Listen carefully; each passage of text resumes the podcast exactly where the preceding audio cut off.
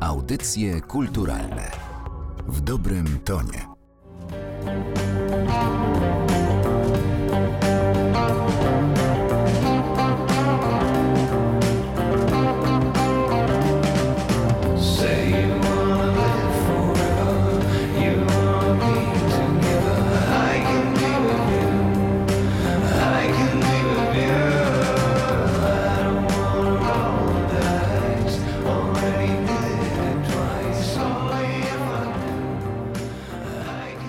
Przy mikrofonie Martyna Matwiejuk. Witam Państwa w cyklu muzycznym audycji kulturalnych, czyli w kontroli jakości. Dziś moim gościem jest Daniel Spaleniak. Dzień dobry, cześć. Dzień dobry.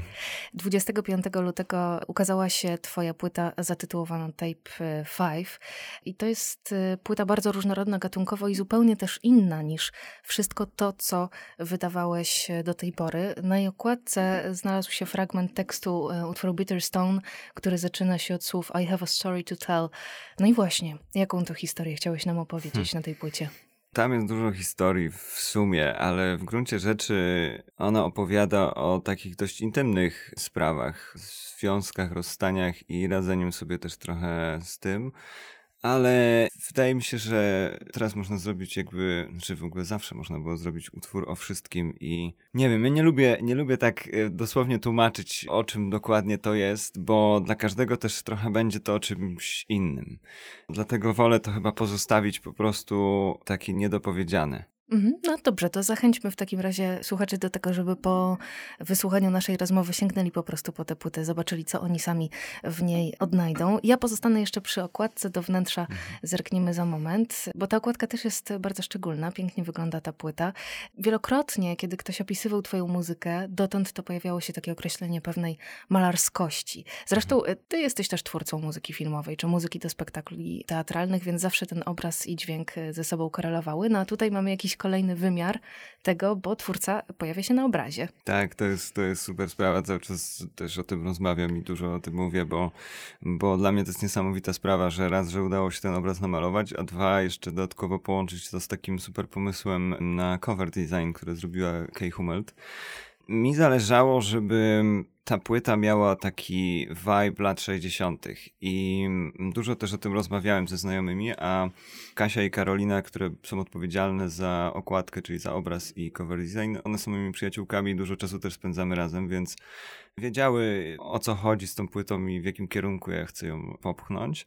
Dlatego jak tylko dowiedziałem się, że ten obraz jest w planach, to mówię, to była super sprawa. Chciałem być po raz pierwszy na okładce, chociaż na pierwszej jestem, ale tyłem odwrócony, a potem już nie. I mówię, to jest chyba czas, żeby wrócić na okładkę.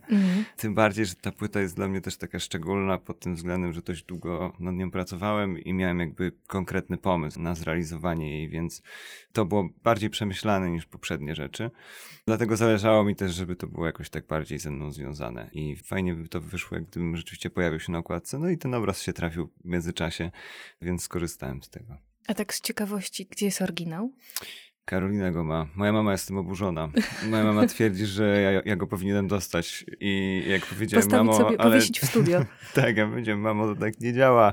Artyści dają swoim modelom czy modelkom obrazów y, swoich. Ona, to gdzie to można kupić? To gdzie to jest? Ja to kupię. Ja wiem. Nawet nie wątpię, żeby to było na sprzedaż, ale tak, moja mama była najbardziej oburzona. Mhm. Ten obraz mogą Państwo zobaczyć na okładce płyty Tape 5. Powiedziałeś o tym e, nawiązaniu do lat 60. Ja tak sobie pomyślałam, że pierwsze Twoje utwory to już się zaczęły pojawiać tak e, dobre 10 lat temu. No i jestem ciekawa, kiedy nadszedł ten moment, e, w którym z takiego oniryzmu, no zawsze znaliśmy Cię jako takiego muzyka z gitarą, który ma ten głos zapadający w pamięci i tak dalej, ale nastąpił pewien jakiś taki przełom. Odszedłeś trochę od tego i gdzieś to, co prezentujesz na tym najnowszym albumie, to jest mm, chyba taka muzyka skierowana w stronę soulu, właśnie w stronę tych lat 60. Kiedy to się stało? Ja poczułem jakąś taką chęć, od tego się zaczęło, pamiętam, że pierwszym impulsem był pomysł na nagranie płyty po prostu troszeczkę lżejszej. Takiej, którą będzie można sobie śpiewać też i będą refreny i strukturalnie to będą po prostu piosenki, bo, bo wcześniej troszeczkę eksperymentowałem z formą i częściej to były po prostu takie lupy, które się ciągnęły i nawarstwiały. Nie było często nawet refrenów, a jeżeli były, to w formie na przykład gitarowych riffów, a niekoniecznie słów czy wokalu. Natomiast tutaj zależało mi, żeby tą formę piosenkową utrzymać, żeby ona była od początku takim wyznacznikiem troszeczkę tego, co się dalej wydarzy. I w ramach tej formy chciałem po prostu pokombinować trochę. Potem słuchałem dużo płyt z lat 60. i okazało się, że można piosenki zrobić w bardzo nietypowy sposób. Nadal utrzymując tą formę piosenkową, rozwalić te rzeczy, rozłożyć je jakby na części i tak dalej i troszeczkę przełamać. Więc słuchając Beatlesów na przykład, tych już płyt z y, końcówki kariery, czyli Abbey Road, White Album czy Let It Be, tam się bardzo dużo dzieje i ja stwierdziłem, że fajnie by było spróbować zrobić piosenki w taki sposób. Mhm. No, przyznam ci się, że jestem wielką fanką twoich pierwszych płyt, z tego jak dałeś nam się na początku poznać i kiedy pojawił się singiel, ten pierwszy, o którym rozmawialiśmy półtora roku temu, no to byłam bardzo ciekawa, w którą stronę to pójdzie i zastanawiałam się, czy ten Daniel Spaleniak, ten nowy, jeszcze będzie mnie tak e, ujmował. Jestem naprawdę mile zaskoczona tą płytą, choćby ten tytułowy utwór, no to jest jakaś po prostu szaleńcza pogoń, bo w pewnym momencie, kiedy wchodzą te dęciaki, ja sobie myślę, że to jest taki trochę zespół Beirut, ale z Leonardem Cohenem na wokalu. E, W ogóle zmienia się rytm, wchodzimy nagle do jakiejś zupełnie innej opowieści. Mam wrażenie, że cię bardzo rozwinęła muzycznie ta płyta. Dziękuję. No, miło mi to słyszeć. Jesteś pierwszą osobą, z którą mogę tak szczerze też porozmawiać na ten temat, bo wcześniej tak jakoś pobieżnie tylko te rozmowy wyglądały, więc, więc fajnie. Dziękuję, no tak jak mówię, miło mi bardzo.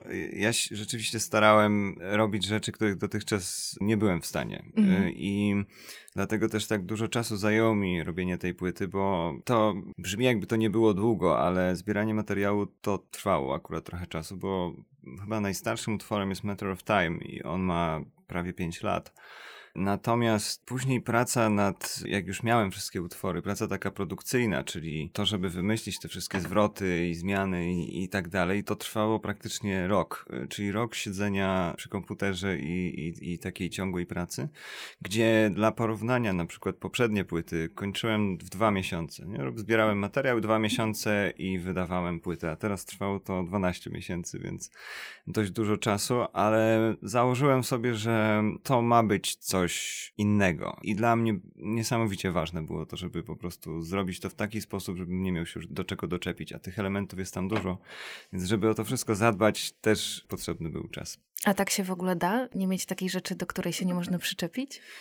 W sensie, pewnie po jakimś czasie będę miał jakieś wątpliwości, Mhm. ale nad niektórymi utworami spędziłem dwa miesiące i myślałem, że zwariuję już, bo już naprawdę to jest za dużo, żeby siedzieć codziennie nad jednym utworem. Kiedy przyjdzie winyl, bo chyba jeszcze nie ma winyli, Mhm. będziesz chciał go posłuchać, czy już masz dosyć tej płyty? Nie, ja bardzo lubię tą płytę. Właśnie cieszę się, że doprowadziłem w końcu do sytuacji, że no nie miałem już do czego się doczepić. To trwało długo rzeczywiście i, i stwierdziłem, że jestem na tyle zadowolony, że ta płyta może się ukazać. Winyle miałem już dwa razy okazję przesłuchać, dwa test presy, ale niestety brzmiały bardzo źle i cały czas czekamy na... Właśnie teraz nie wiem na jakim etapie jest ta sytuacja. Czy zmieniamy tłocznie, czy po prostu nadal w tej samej tłoczni ktoś jeszcze inny to będzie robił. Więc szczerze powiedziawszy, nie wiem nawet kiedy ten winyl się ukaże. No, Czekam, a też zależy mi na tym, żeby to fajnie brzmiało na winylu, bo dwa poprzednie, które przyszły, no niestety brzmiały gorzej niż wave'y, czyli takie pierwotne pliki źródłowe. No to stwierdziłem, że to, to tak nie może być, że będzie gorzej brzmiało. No tak, a sytuacja z tłoczniami teraz też nie jest y, najłatwiejsza. Mówiliśmy o tym, że są nowe środki wyrazu, ale ja też y, zwróciłam uwagę na to, że się zmieniła w ogóle koncepcja konstrukcji tej płyty, bo jest sporo takich krótkich utworów, utworów łączących, takich utworów pomostów i tak jak też y, mówiłeś w naszej rozmowie w 2020 roku, chcesz prowadzić słuchacza. Jestem ciekawa, czy ty jako odbiorca lubisz słuchać takich albumów, kiedy jesteś naprawdę za tę rękę prowadzony i miałeś taką płytę, że pomyślałeś sobie, o, to jest taki rodzaj relacji, którą ja bym chciał ze swoim słuchaczem zbudować.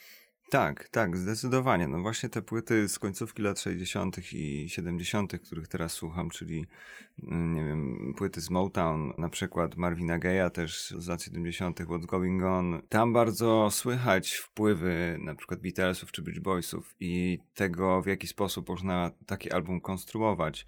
Dla mnie to było interesująca sprawa, bo to jest coś, coś niesamowitego, kiedy przez półtorej godziny, no przepraszam, półtorej godziny to trochę za długo, no przez 45 minut, dajmy na to, czy 35 minut, nie można się oderwać od płyty. Mam na myśli to, że nie ma się nawet momentu, w którym pomyślałoby się, że oj, nie chcę mi się tego słuchać, albo jest przerwa. Po prostu ktoś cały czas prowadzi tą narrację tak jak w filmie. I to jest ciekawe zadanie, żeby płytę tak złożyć. Dla mnie to jest osobiście zawsze jakieś, traktuję to jak bardzo duże wyzwanie, ale też zależy mi na tym, Mhm. żeby słuchając płyty, każdy utwór ze sobą korespondował, więc końcówka y, zawsze pracy nad płytą to jest ustawianie wszystkich utworów, jak one będą ze sobą działać i tak dalej. I to jest fajne, ale bardzo też męczące. Jestem teraz na etapie właśnie kończenia kolejnej płyty z- i to jest dokładnie taka ciężka sytuacja, żeby ułożyć to w jakiś taki sposób, żeby to tworzyło narrację. Tym bardziej, że te utwory, które robię teraz, to jest zbiór różnych soundtracków, tak jak płyta Burning Sea, to jest kolejna taka płyta. Więc to też zajmuje mi dużo czasu, żeby to wszystko ujednolicić i zrobić z tego jakąś taką jedną podróż. Zwłaszcza, że też przy chyba obecnym systemie w ogóle promocji muzyki, przy tym jak działają platformy streamingowe, to nie możesz też z drugiej strony uciec mm, od tych singli, no, które Tak. muszą się pojawiać, muszą zapowiadać. Trzeba jakieś też wideoklipy, zresztą bardzo piękny wideoklip do So Long dzisiaj obejrzałam. Tam naprawdę jest Bartosz Bielenia, Tak, bo nie widać go, taki ukryty tak, jest ja trochę. też się zdziwiłem jak Weronika, bo to Weronika Izdebska robiła na ostatnią chwilę ten klip i ona mówi, no i zobacz, i wiesz kto tam wychodzi? No ja mówię, nie, Bartek Bieleń, tylko że już miał gwiazdę w klipie. Ja mówię, no świetnie, widać go po prostu, widać jakąś postać, ale super, jest podpisany, zgodził się, żeby być podpisany, także, także pozdrawiam Bartka. Po tych latach, miesiącach siedzenia w studiu nad tą płytą przychodzi czas, kiedy trzeba z nią wyjść do ludzi. Będziesz chciał ją grać? Tak, jak najbardziej. Na początku myślałem, że raczej wolę dalej produkować kolejne utwory i płyty, ale cóż, no już od trzech lat tak siedzę w domu i, i pracuję i trochę brakuje mi jednak tych wyjść do ludzi i spotkań. A tym bardziej wydaje mi się, że ta płyta ma potencjał bardzo fajny, koncertowy i to może być super przeżycie. No to mam nadzieję jak najszybciej zobaczyć Cię na scenie. Daniel Spaleniak był dziś gościem audycji kulturalnych. Dziękuję Ci bardzo za nasze spotkanie i zachęcamy Państwa do zapoznania się z Tape 5. Dziękuję bardzo.